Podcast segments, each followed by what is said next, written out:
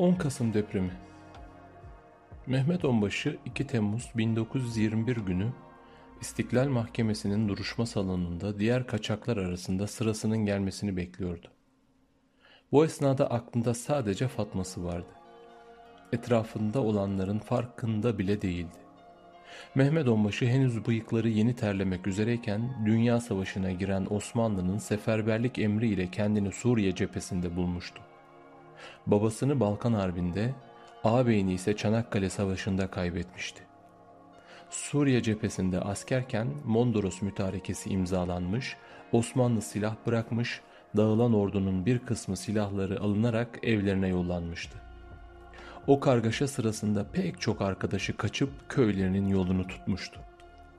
Mehmet ne babasının ne de ağabeyinin hatırasına yediremediği için kaçmamış, iç güvenlik için kurulan yeni kolorduda görevlendirilmişti.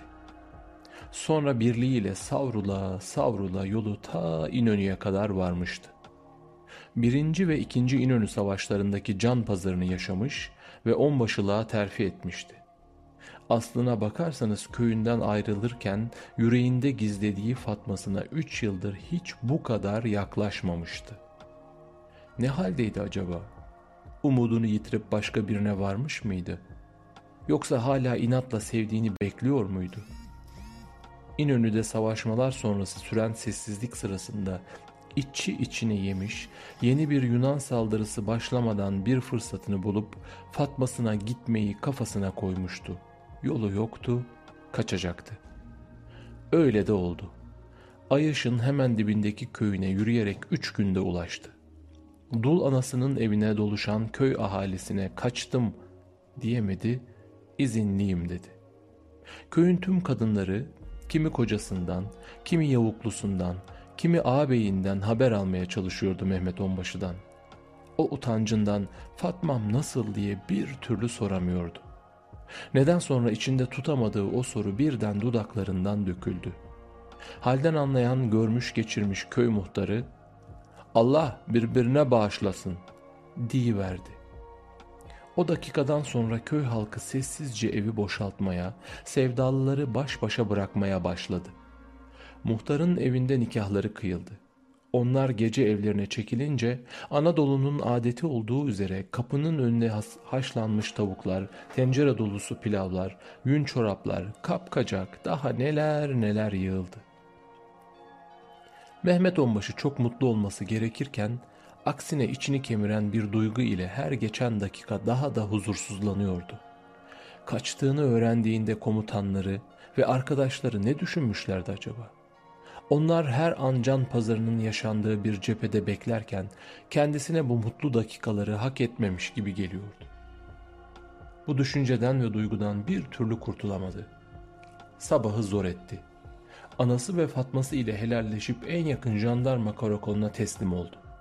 İşte şimdi de Ankara'da İstiklal Mahkemesi'nin huzurundaydı. Jandarma çavuşunun dürtmesiyle kendine geldi. Çavuş, adını soruyorlar desene dürzü, dedi. Mahkeme başkanı milletvekili babacan bir tavırla sordu. Neden kaçtın oğlum? Cahillik ettim efendim. Seni kim kandırdı kaç diye? Kaçmamda kimsenin vebali yoktur.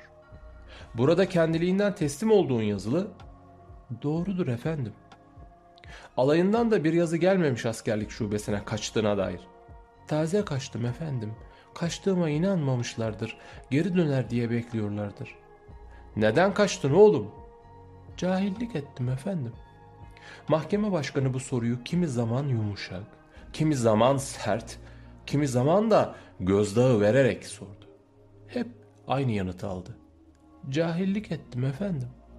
Sonunda başkanın sabrı tükendi. Bak oğlum, cepheden kaçmanın cezası idamdır. Neden kaçtığını söylemezsen sana idam cezası vereceğiz. Bir cahillik ettim efendim. Mahkeme başkanı yüksek sesle söylendi yanındaki üyeye. Bunlar böyledir. Ölümden korkarlar, cepheden kaçarlar. Yakalanıp asılmaktan korkarlar, gelip teslim olurlar. Mehmet Onbaşı öfkeyle gürledi. Onu deme bana efendi, astır, kurşuna dizdir ama korkak deme. Ölümden korkup kaçtı bilme, asılırım diye teslim oldum belleme. Öyleyse neden kaçtın? Çaresiz her şeyi en başından anlattı Mehmet Onbaşı. Bütün salonla birlikte mahkeme heyeti de bir babanın oğlunun mutluluğunu paylaşmasına benzer duygular içinde dinliyordu Mehmet Onbaşı'nın anlattıklarını. Üç hakim de affetmişlerdi bu kavruk ve fakat yiğit Anadolu gencini. Lakin ortada ciddi bir suç vardı ve cezasız kalması olmazdı. Aralarında konuştular ve hükmü açıkladı mahkeme başkanı. Orada falakaya yatırılacak, kırk sopa vurulacak ve birliğine gönderilecekti. Mehmet Onbaşı buz kesti. Herkesin içinde falakaya yatırılmak ya sevdiceğinin kulağına giderse ölümden beterdi. Yine aynı kararlılıkta gürledi. Eski cezamdan hoşnutum efendiler. Herkesin içinde dayak. Fatmam duyarsa ha yaşamışım ha ölmüşüm. İdama razıyım. Hakimler şaşkın. Birbirlerine baktılar. Yine kafa kafaya verip bir süre konuştular. İstiklal mahkemelerinin çok geniş yetkileri vardı. Verdikleri kararlar tüm resmi makamlar tarafından uygulanmak zorundaydı. Mahkeme başkanı yazıcıya döndü. Yaz oğlum. Gereği düşünüldü. Açık yargılaması sonucunda Alioğlu Mehmet Onbaşı'nın suçsuzluğu anlaşılmış olup özel durumu göz önüne alınarak kendisinin iki hafta izinli sayılmasına, duruşması yapılmış olduğundan askeri organlarca ayrıca yargılanmasına gerek kalmadığına ve bu kararın birliğine bildirilmesine, bütçenin asker ailelerine yardım bölümünden karşılanmak kaydıyla Ayaş Kaymakamlığı tarafından adı geçenin düğününün yapılması için yazılı emir verilmesine 2 Temmuz 1921 günü oy birliğiyle karar verilmiştir. Bu yargılamadan kısa bir süre sonra Büyük Millet Meclisi oy birliği ve geniş yetkilerle donatarak Meclis Başkanı Mustafa Kemal Paşa'yı başkomutan ilan etmişti. O ise yüklendiği ağır görevin bilincinde fakat büyük bir tevazu içinde tek başına atının üstünde savunma mevzilerini denetliyordu. Polatlı'nın ilerisindeki mevzilere atını sürdüğünde 1. Tümen Komutanı Yarbay Abdurrahman Nazif Bey Gürman kısa bir şaşkınlık geçirdi. Meclis Başkanı ve Başkomutan bir başına cephe hattının en ucundaydı. Tam aldığı savunma önlemlerini açıklamaya başlamıştı ki bir çavuş koşarak geldi, selam verdi ve önlerinde durdu. Nafiz Bey tümeninden bir çavuşun ulu orta, ortaya çıkıp başkomutana disiplinsizlik örneği göstermesine sinirlenmişti.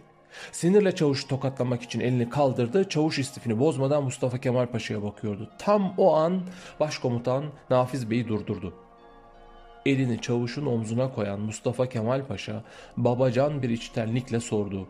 Nasılsın İsmail Çavuş? Sağ olun paşam. Koca Çimentepe'deki arkadaşlar nasıl? Kimi Çanakkale'de kaldı, kimi burada paşam. Başkomutan İsmail Çavuş'un sakallı yanaklarından öptü. Nafiz Bey aradan 6 yıl geçmesine rağmen başkomutanın emrindeki bir çavuşu ismiyle hatırlamasına ve böyle içten karşılamasına şaşırmıştı.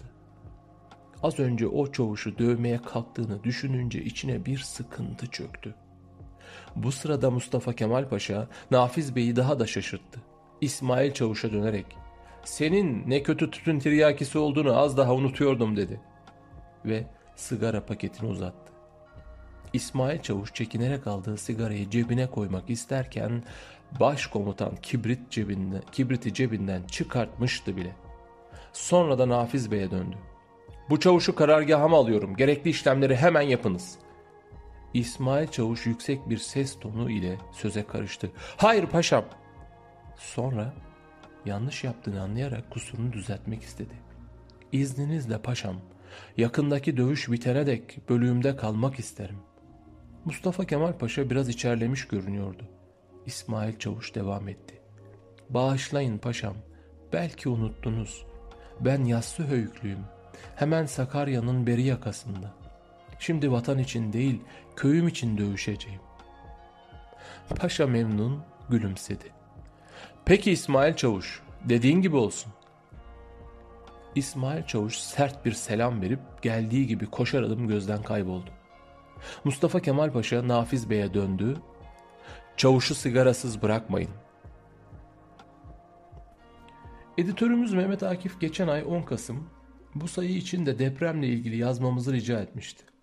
Oldum olası biri benden bir şey yapmamı isteyince inadına tersini yapma. Ya da hiç yapmama huyum var. Hiç memnun değilim ama durum bu.